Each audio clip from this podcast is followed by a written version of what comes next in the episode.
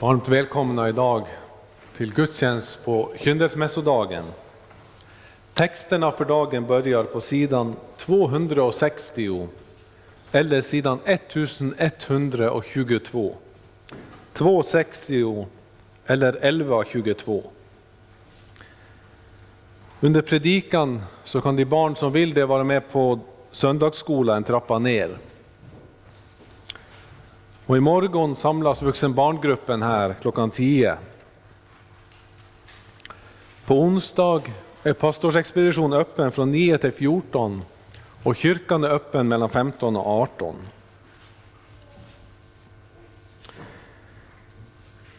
Nästa söndag så firar vi här Herrens heliga nattvard och det är undertecknat som leder den klockan 10. Och kollekten till vår verksamhet uppgick förra söndagen till 4 120 kronor som här tacksamt meddelas. Och också idag tar vi upp kollekt till samma viktiga ändamål. Idag har vi kören med oss och efter tackbönen så kan församlingen vara med på refränget som eh, kören sjunger först en gång. Så de som vill det får gärna vara med och sjunga på refränget efter tackbönen. Men låt oss bedja.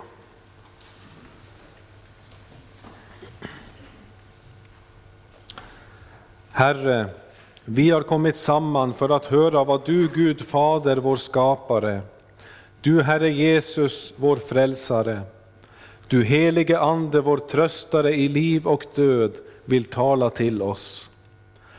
Öppna nu genom din helige Ande våra hjärtan, så att vi av ditt ord lär oss att söka förlåtelse för våra synder, att tro på Jesus i liv och död och varje dag växa till i ett heligt liv. Hör oss, o Gud, för Jesu Kristi skull. Amen. Yeah.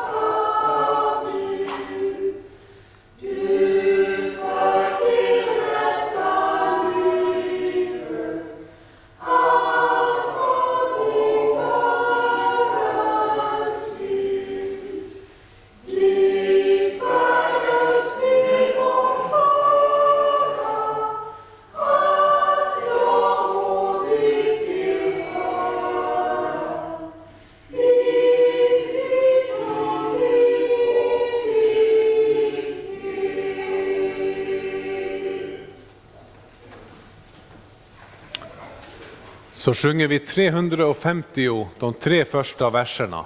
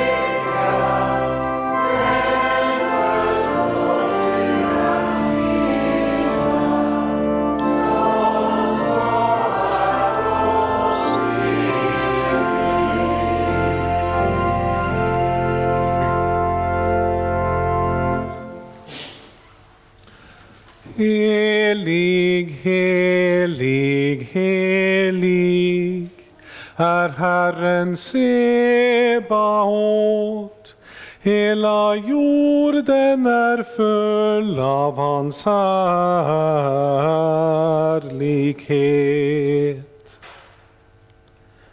Herren är i sitt heliga tempel.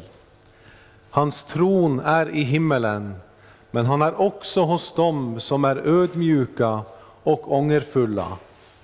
Han hör deras bekännelse och vänder sig till deras bön.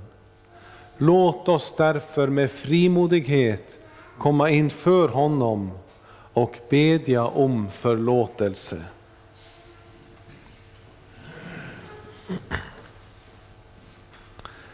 Gud, var mig nådig i din godhet. Tag bort mina synder i din stora barmhärtighet. Det är mot dig jag har syndat och gjort det som är ont i dina ögon. Vänd bort ditt ansikte från mina synder och befria mig från min skuld. Skapa i mig, Gud, ett rent hjärta och gör mig på nytt frimodig och stark. Driv mig inte bort från ditt ansikte och tag inte din helige Ande ifrån mig. Låt mig åter få glädjas över din frälsning och hjälp mig att villigt följa dig.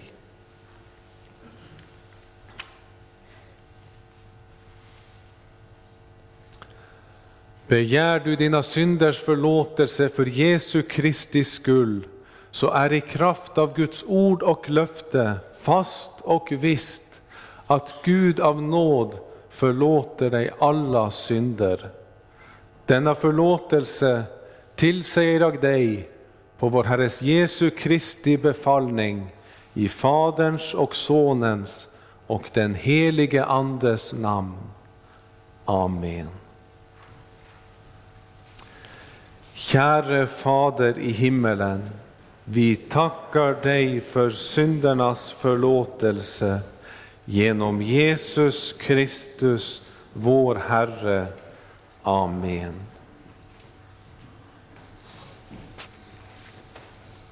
Mm.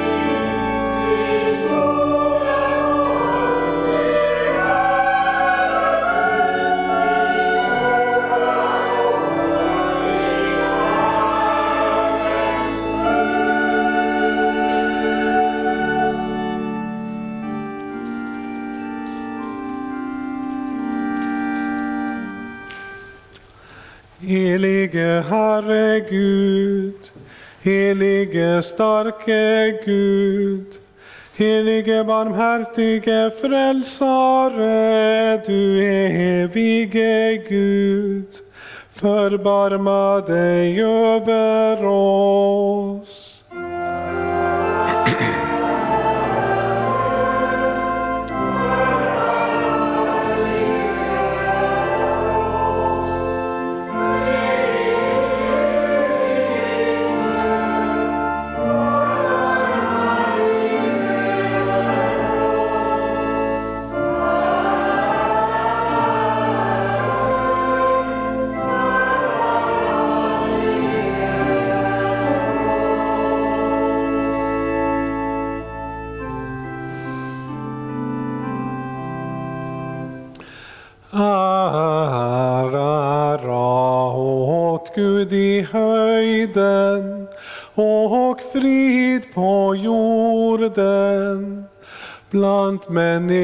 Människor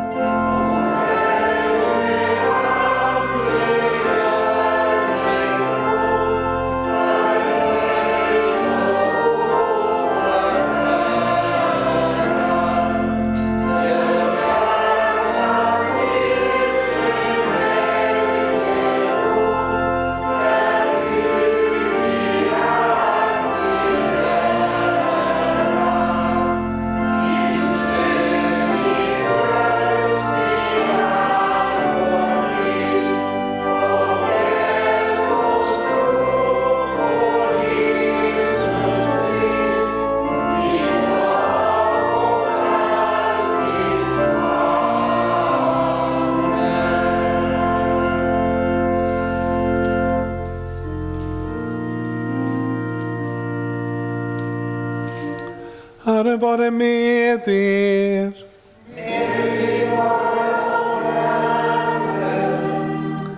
Låt oss bedja. Allsmäktige evige Gud, du som denna dag lät din son bli framburen inför dig i templet. Ge oss dina barn rena hjärtan så att vi alltid kan komma inför dig, trygga och dig behagliga. Genom din son Jesus Kristus, vår Herre, som med dig och den heliga Ande lever och regerar i en gudom från evighet till evighet. Amen. Hör Herrens ord på kyndelsmässodagen den andra årgångens läsningar. Dagens gammaltestamentliga läsning är hämtad ifrån femte Moseboks fjärde kapitel från vers 9. Mose sade till Israel, Ta dig endast tillvara och akta dig väl, så att du inte glömmer vad dina ögon såg och inte låter det vika från ditt hjärta i alla dina livsdagar, utan talar om det för dina barn och dina barnbarn.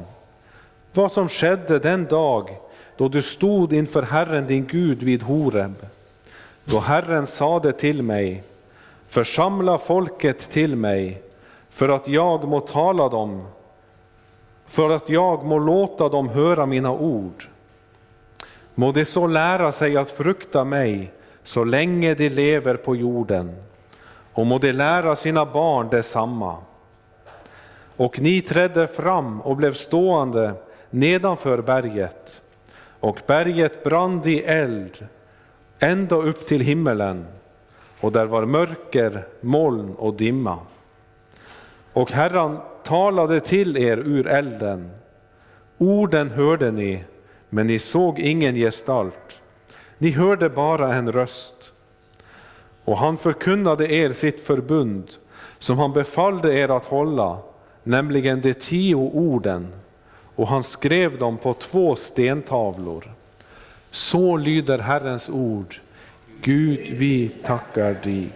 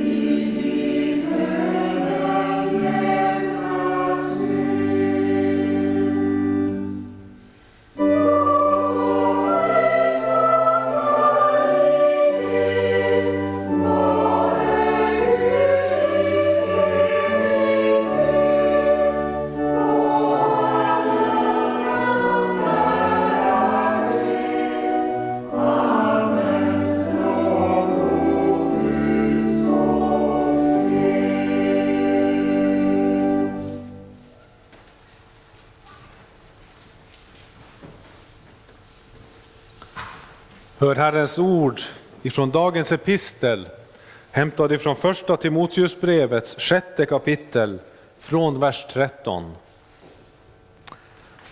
Jag uppmanar dig Timoteus inför Gud som ger liv åt allt och inför Kristus Jesus som under Pontius Pilatus vittnade med den rätta bekännelsen Håll ditt uppdrag obefläckat och klanderfritt till vår Herre Jesu Kristi ankomst. Som den salige och ende härskaren ska låta oss uppleva när tiden är inne.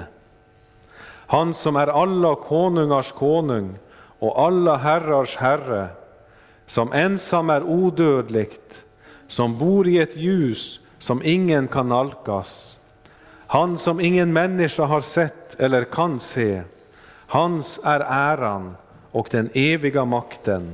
Amen. Så lyder Herrens ord. Gud, vi tackar dig. Så sjunger vi som gradualsalm 478, de fyra första verserna.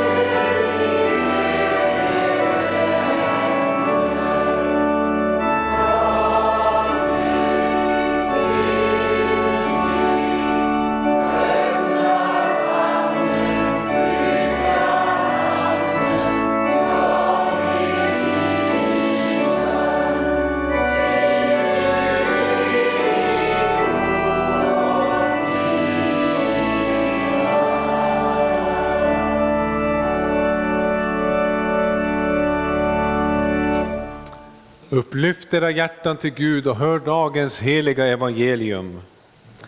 Så skriver evangelisten Lukas i det andra kapitel från vers 22. När tiden var inne för deras rening enligt Mose lag tog Josef och Maria Jesus till Jerusalem för att bära fram honom inför Herren.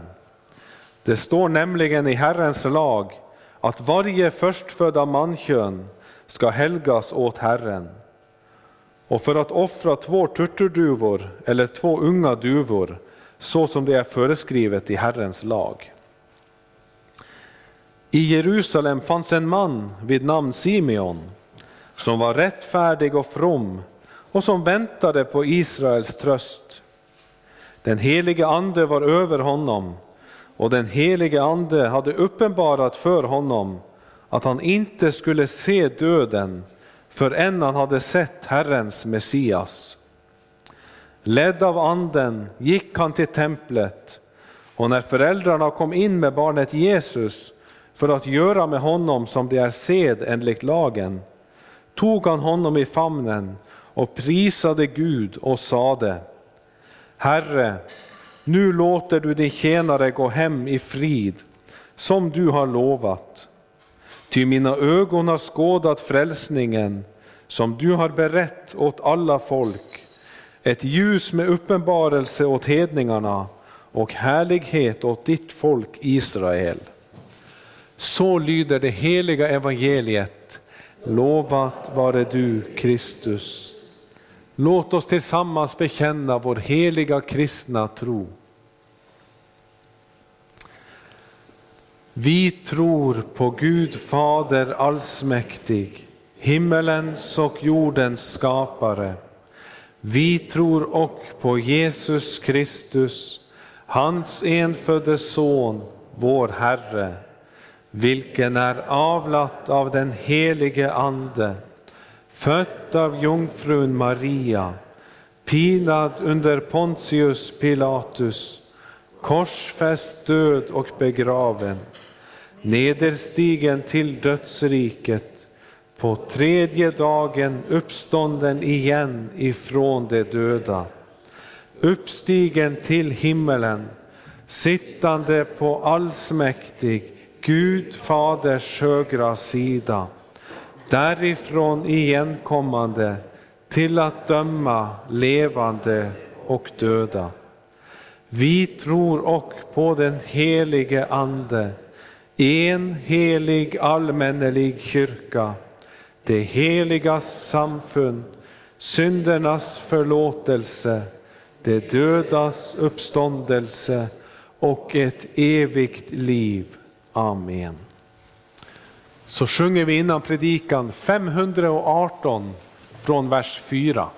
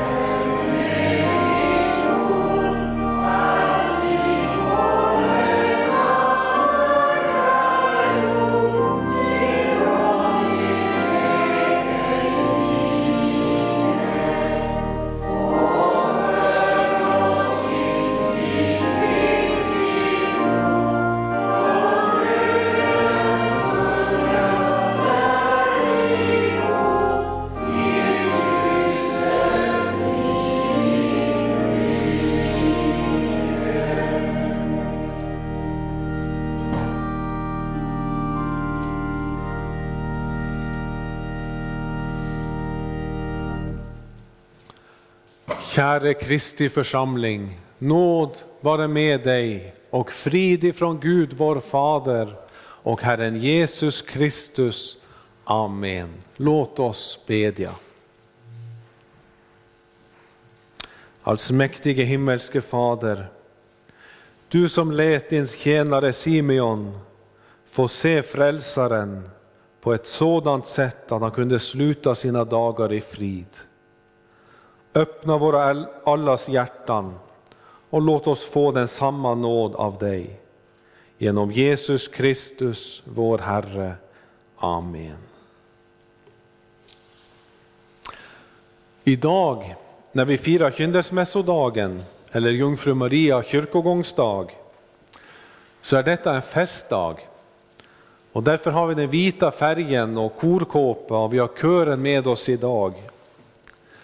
För det som vi läste om idag är en viktig händelse för vår frälsning. För så som Guds offerlamm behövde Jesus vara oklanderlig efter lagen. Det hade inte räckt om han från 30 års, års ålder hade börjat uppfylla lagen. Utan om han skulle vara ren och fläckfri så behövde han från sin avlelse av leva syndfritt och i alla stycken uppfylla lagen. Och så som Gud, Gud har lagt ett stort ansvar på föräldrar som på många sätt och på många sätt låter dem få en oerhört betydelse i barnens liv, även andligen, så har Gud i viss mån förordnat det så även med vår frälsare. För om han skulle kunna vara den frälsare, det ljus till uppenbarelse för hedningarna och en härlighet för sitt folk Israel som han var satt till att vara, så berodde det faktiskt till viss del på Maria och Josefs agerande. För hade de inte framburit Jesus att omskäras och burit honom till templet som vi hör idag, så hade Jesus faktiskt inte varit utan fel och lyte enligt lagen. Inte så att vår frälsning berodde på Maria och Josefs gärningar, för Gud kunde ha drivit dem av anden att göra det som var nödvändigt, så som han drev Simeon. Men ändå ser vi hur viktig familjen är i Guds hushållning och hur Gud tänker i släkten, även när det kommer till vår frälsare. Idag får vi höra hur Jesus blev buren till sitt tempel för att göra det som Herrens lag befallde. Och vi får höra hur Simeon, driven av den helige Ande, både fick se Israels tröst och bära fram en profetia om honom. Och detta ska vi höra om idag. Först om Jesus i templet, sen om Simeons väntan på Israels tröst och slutligen Jesus som satt till frälsning för alla folk.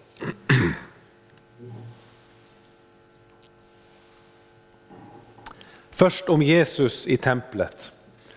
Vår text börjar med att när tiden för deras rening var förbi kom de till Jerusalem för att bära Jesus fram inför Herren. Och för att förstå innebörden av detta så ska vi dra några trådar från det gamla testamentet. Detta bygger på vad Herren sa till Moses om att allt förstfödd bland människor och djur skulle helgas åt honom. De skulle avskiljas för Herren. Andra Mosebok säger att när din son i framtiden frågar dig vad detta betyder ska du svara honom. Med stark hand förde Herren oss ut ur Egypten, ur träldomshuset. Eftersom farao hårdnackat vägrade att släppa oss dödade Herren allt förstfödd i Egyptens land, från det förstfödda bland människor till det förstfödda bland boskap. Därför offrar jag åt Herren allt som öppnar moderlivet och är av handkön, och varje förstfödd son löser jag ut. Ja, allt förstfödd skulle höra Herren till. Men senare utvalde Gud Levis stam som ställföreträdare för allt förstfödd, så att enbart Levis stam blev avskilt för Herrens tjänst i helgedomen. Och de fick därför inget arvslott i Kanans land så som de andra stammarna, utan de skulle ägna sig åt Herrens helgedom. Och genom att betala ett lösen när man bar sin förstfödda son eller barn inför Herren så skulle han ges tillbaka till familjen. Och det var detta som Maria och Josef gjorde med Jesus. Och som vi läste från Andra Moseboken så hör detta samman med Herrens befrielse från Egypten, ur slavoket. Där sparade Gud allt förstfödda av Israel. Men nu kommer den enda förstfödda som måste offras, som offerblodet på Israels dörrpostar var en förebild på. Han frambärs nu inför Herren. Men han behövde ju inte göra allt som stod i lagen, inte för egen del. Men han blev frivillig i lydnad till Fadern, ställd, eh, född av kvinna och ställd under lagen, för att han skulle friköpa dem som stod under lagen, så att vi skulle få söners rätt. Ja, Jesus gjorde allt detta för vår skull. För vår frälsnings skull var det nödvändigt att han omskars och frambars till templet och alltså från födseln av fullgjorde lagen i ett och allt. Bara då kunde han göras till en förbannelse för oss genom att vara det Guds lamm som bar världens synd upp på Golgata träd. Bara då kunde Gud spara Israels förstfödda i Egyptiens land, därför att deras lösen, den förstföddes blod, som Jesus utgav i deras ställe, i framtiden skulle komma och betala deras synd och befria dem från döden. Han blir nu buren till sitt eget hus, Herrens tempel. Och han är det nya templet. Som han sa till judarna, bryt ner detta tempel så skall jag resa upp det på tre dagar. Detta som de inte förstod att det gällde hans kropp. Och Johannes säger i prologen, ordet blev kött och tältade eller tabernaklade ibland oss. Och vi såg hans härlighet, en härlighet som den enfödde har av Fadern och han var full av nåd och sanning. Ordet Kristus tältade bland oss så som helgedomen tältade bland Israels folk under ökenvandringen. Och det visar att den plats som Herren uppenbarade sig genom i det gamla förbundet och som hans härlighet vilade över, det är i det nya förbundet Jesus själv. Paulus säger att Jesus är nådastolen, sätet som fanns på förbundsarken inne i det allra heligaste. Det var platsen där man sonade Israels synd. Och det allra heligaste var i det gamla förbundet en förebild på himlen, där Gud själv bor och uppenbarar sig. Och Hebreerbrevet gör det tydligt för oss att Jesus inte enbart bar sitt offerblod in i det jordiska tempel som var en förebild och en skugga av verkligheten. Utan Jesus bar sin egen kropp och blod som offer in i den himmelska helgedomen. Den som Mose fick se på Sinai berg och skulle bygga den jordiska helgedomen efter. Han som är det nya förbundets tempel, som uppenbarar Guds härlighet och är den särskilda platsen för Herrens närvaro. Han bärs nu in i det jordiska tempel. Och så som Guds synbara härlighet vilade över arken och tabernaklet under Israels vandring och även fyllde det nybyggda templet under Salomos regering när man hade burit in arken. På samma sätt lovar profeten Hagai att fylla det nya templet med en ännu större härlighet än vid det första templets invigning. Detta sker nu när Jesus förs in i templet. Ärans konung, Herren, stark och väldig, tågar nu in. Vad detta innebär läser vi hos profeten Malaki. Herren säger att han själv sänder budbäraren, alltså Johannes, som ska bana väg för Herren. Den Herre som ni söker ska plötsligt komma till sitt tempel. Och det är Jesus det talas om här, förbundets ängel som ni längtar efter. Och det han ska göra är att han ska rena Levis söner. Jesus ska rena dem som i det gamla förbund skulle tjänstgöra i helgedomen. Jesus ska luttra dem som guld och silver så att de kan bära fram åt Herren en offergåva i rättfärdighet. Och så som prästerna, Aros, Arons söner också var från Levis sam, stam, så kan vi fråga vem det egentligen talas om här. Vem är det Jesus genom sin laguppfyllnad, död och uppståndelse luttrade till att kunna bära fram åt Herren en offergåva i rättfärdighet? Svaret tror jag inte kan vara annat än det nya Israel. För så som Moses säger att Israels folk skulle vara ett konungadöme av präster för Herren, så säger Petrus samma sak om de utvalda, de som är renade och bestänkta med Jesu Kristi blod.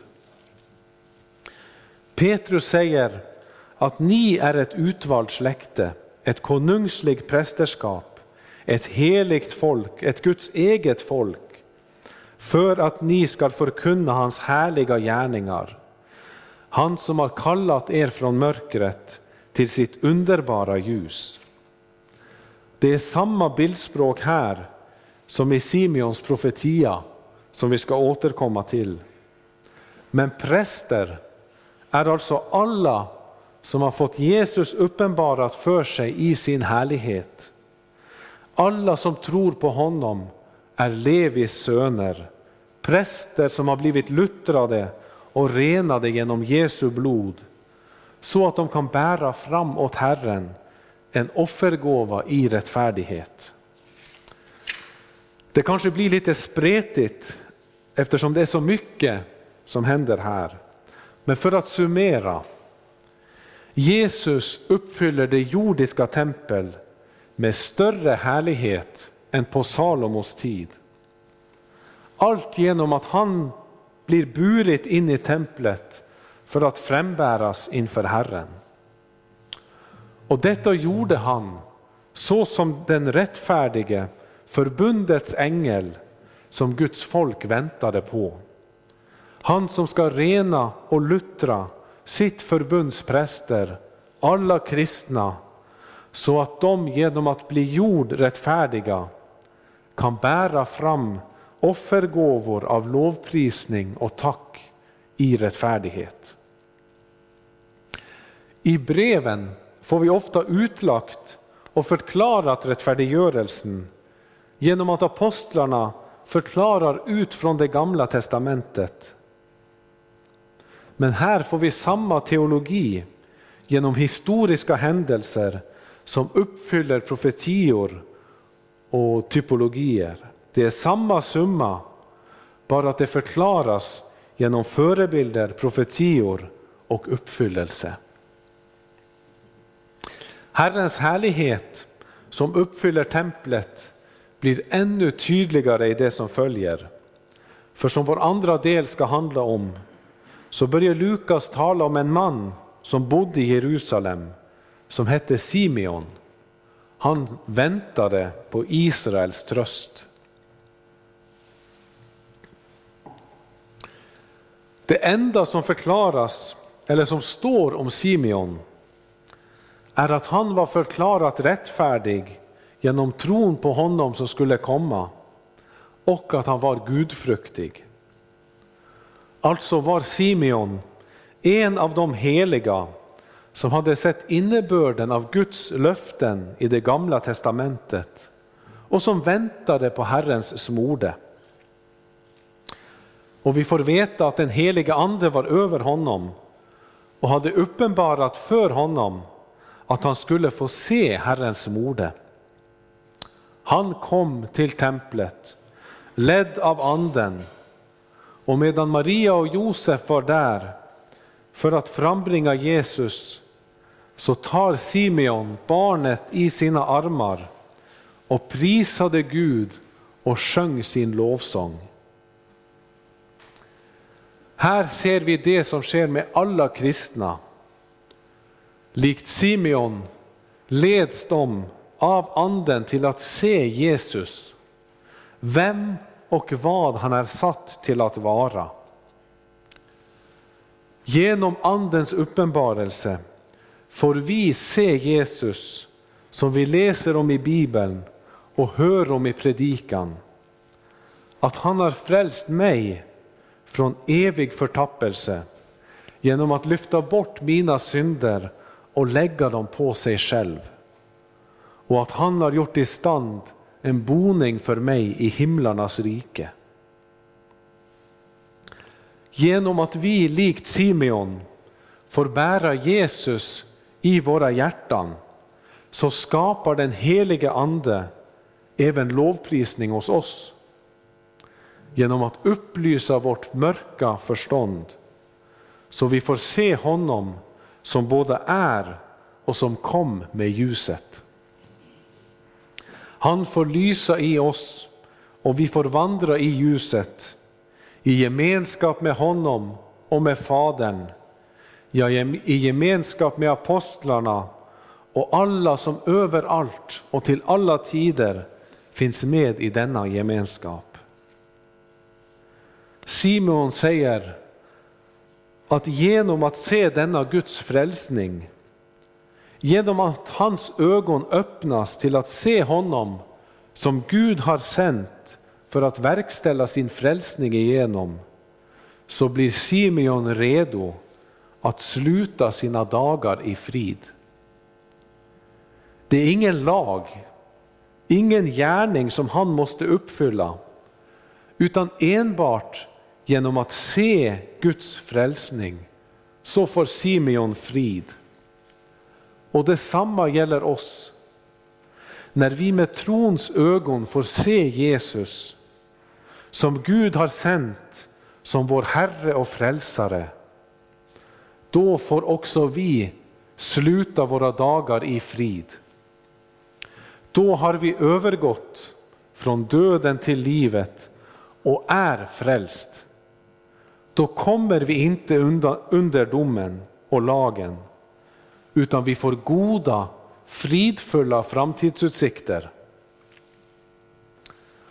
Men vi kanske upplever det annorlunda, därför att våra synder tynger oss och för att vi har så mycket svårt runt oss på olika håll. Eller eftersom att vi lever i ett land som håller på att avkristnas och det är så långt mellan de kristna.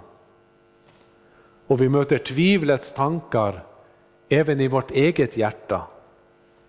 För det är ingen dans på rosor att leva i världen. Det var det inte heller för Simeon, för Josef och Maria och alla andra heliga som vi läser om hos Lukas. De levde också i ett land där den översta överhet var fientligt inställda till Jesus. Tänk bara på vad Herodes gjorde då han försökte utrota alla pojkar just för att få tag på Jesus. Alla heliga som likt Simeon var rättfärdiga genom tron de hade det på samma sätt som vi. De hade synder som de slet med och som de ständigt fick kämpa mot och strida mot. Och de hade så som kristna idag en sorg över hur lite de tyckte att deras liv var i enlighet med Herrens vilja. För de var inte syndfria, så som katolikerna tänker om helgonen, utan de var rättfärdiga människor som bar med sig sitt kött. Men trots allt detta kunde Simeon jubla över att Herren nu låter honom sluta sina dagar i frid. Och det får vi också. Genom att hålla en öppen bibel i våra armar så får vi se honom som är ordet, använda tid med honom och öva oss i att inte enbart tänka på det som finns i vår vardag, utan mer och mer fokusera på vad vi äger i honom. För genom dopet flyttades vi över från djävulens och dödens rike in i det rike som Herren regerar över. Och då mottog vi allt som hör till det eviga livet. Genom tron på skriftens ord om Jesus är vi rättfärdiga, rika och har genom Herren ett säkrare försvar än de mest välrustade militära försvarssystemen kan ge oss.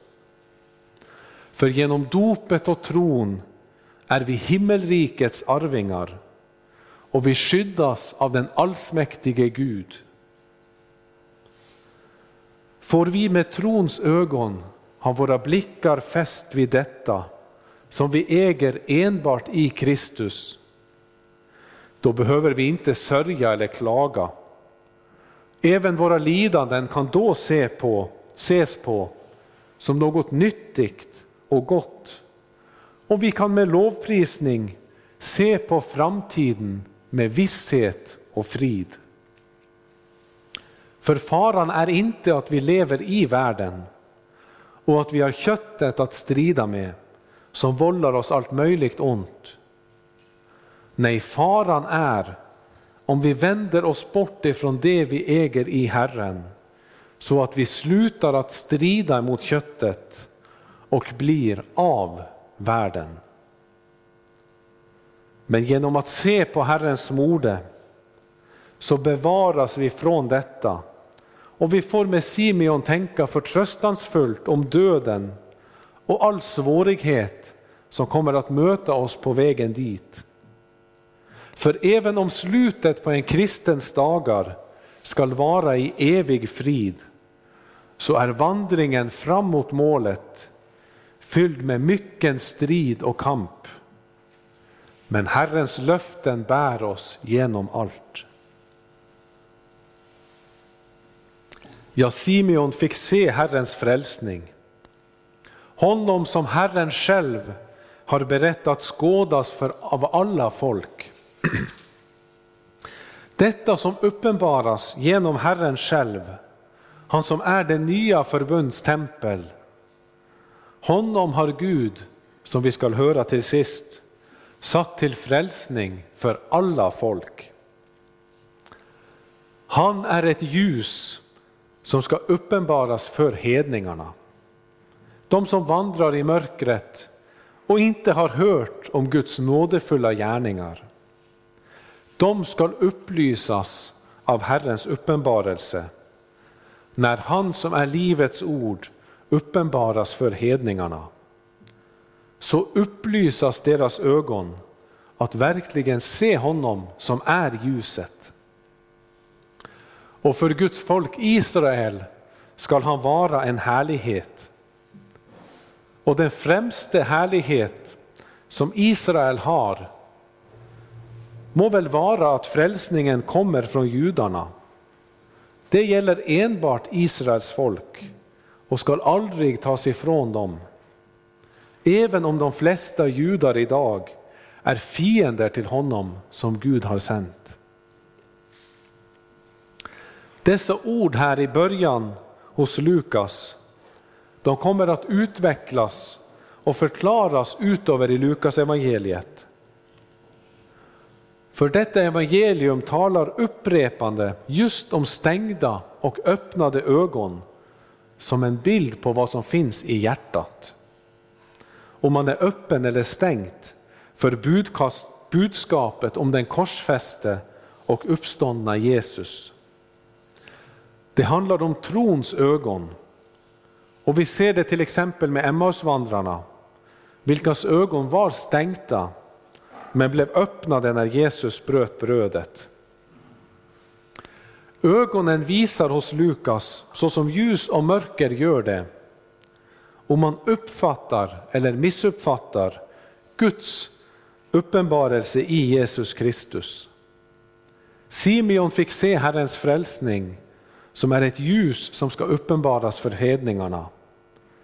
Men i synagogan, när Jesus fick tilldelat Jesajas bokrulle och predikade ett nådens år ifrån Herren, då var också allas ögon riktade på honom. Men det drev dem att förkasta, att försöka kasta honom utför klippan. Därför är frågan för oss alla idag, har vi stängda ögon så som de i synagogan? Eller har Herren fått öppnat våra ögon att tro med, att se med?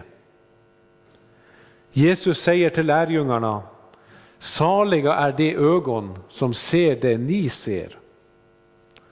Detta som Gud har dolt för de visa och kloka, men uppenbarat för de olärda och små.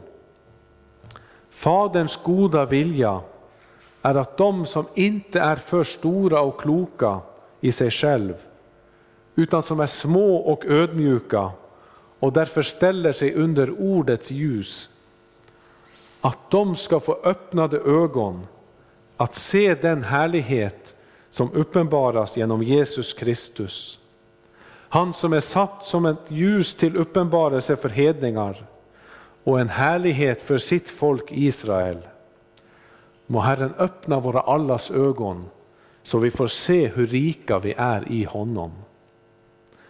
Lovat vare Gud och välsignad i evighet, som med sitt ord tröstar, lär, förmanar och varnar oss. Helige Ande, skriv ordet i våra hjärtan, så att vi inte blir glömska hörare, utan varje dag växer till i tro, hopp, kärlek och tålamod intill tidens slut och blir evigt saliga. Genom Jesus Kristus vår Herre. Amen.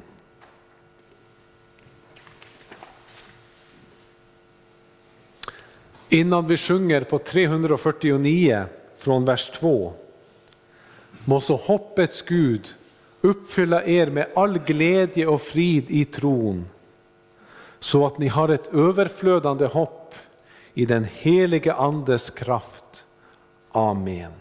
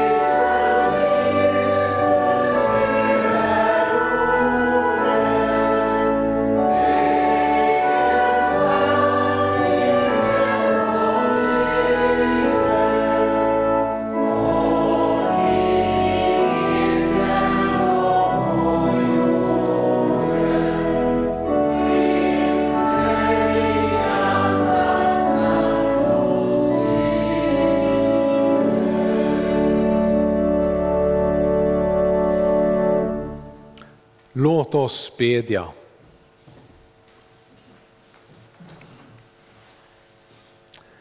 Herre vår Gud, vi ber dig, styrk och led din kyrka och samla ditt folk kring ordet och sakramenten.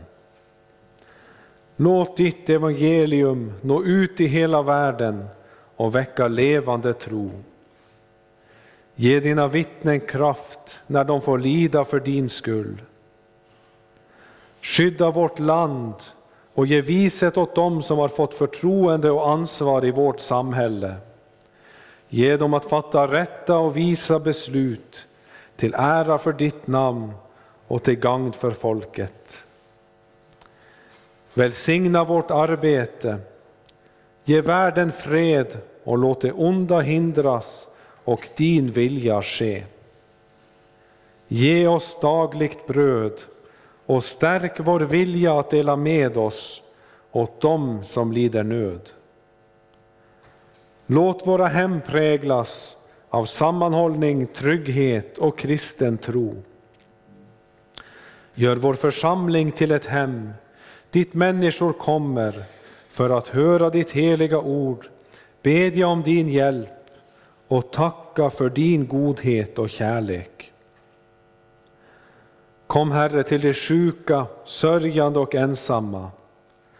Särskilt för dem som under denna coronatid har blivit sjuka, sörjande och ensamma. Och för alla bekymrade som under dessa tider med krig och rykten om krig har blivit bekymrade. Kom med tröst och förtröstan på dig. Och kom till alla barn i moderlivet. Kom med din hjälp och hjälp de kommande mödrarna att fatta rätt beslut om deras barn. Ja, värn om livet från dess naturliga avlelse till dess naturliga slut. Och sänd oss till dem som behöver vår omtanke och vårt stöd. Följ oss hela livet med din nåd. Gör oss fasta i tron och låt oss till sist komma hem till din eviga glädje. Genom Jesus Kristus, din Son, vår Herre. Amen. Fader vår som är i himmelen. Helgat var det ditt namn. Tillkomme ditt rike.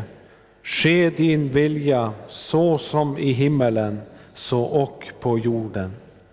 Vårt dagliga bröd giv oss idag och förlåt oss våra skulder så som och vi förlåta dem oss skyldiga äro.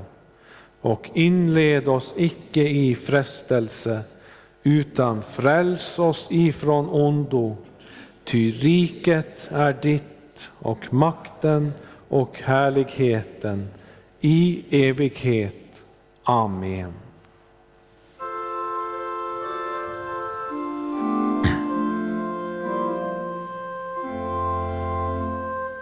Låt oss tacka och lova Herren.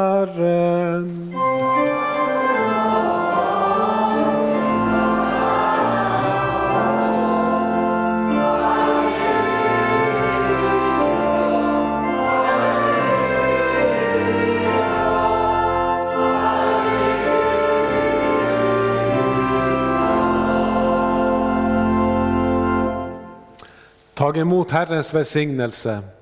Herren välsigne er och bevare er. Herren låte sitt ansikte lysa över er och vare er nådig. Herren vände sitt ansikte till er och give er frid. I Faderns och Sonens och den helige Andes namn.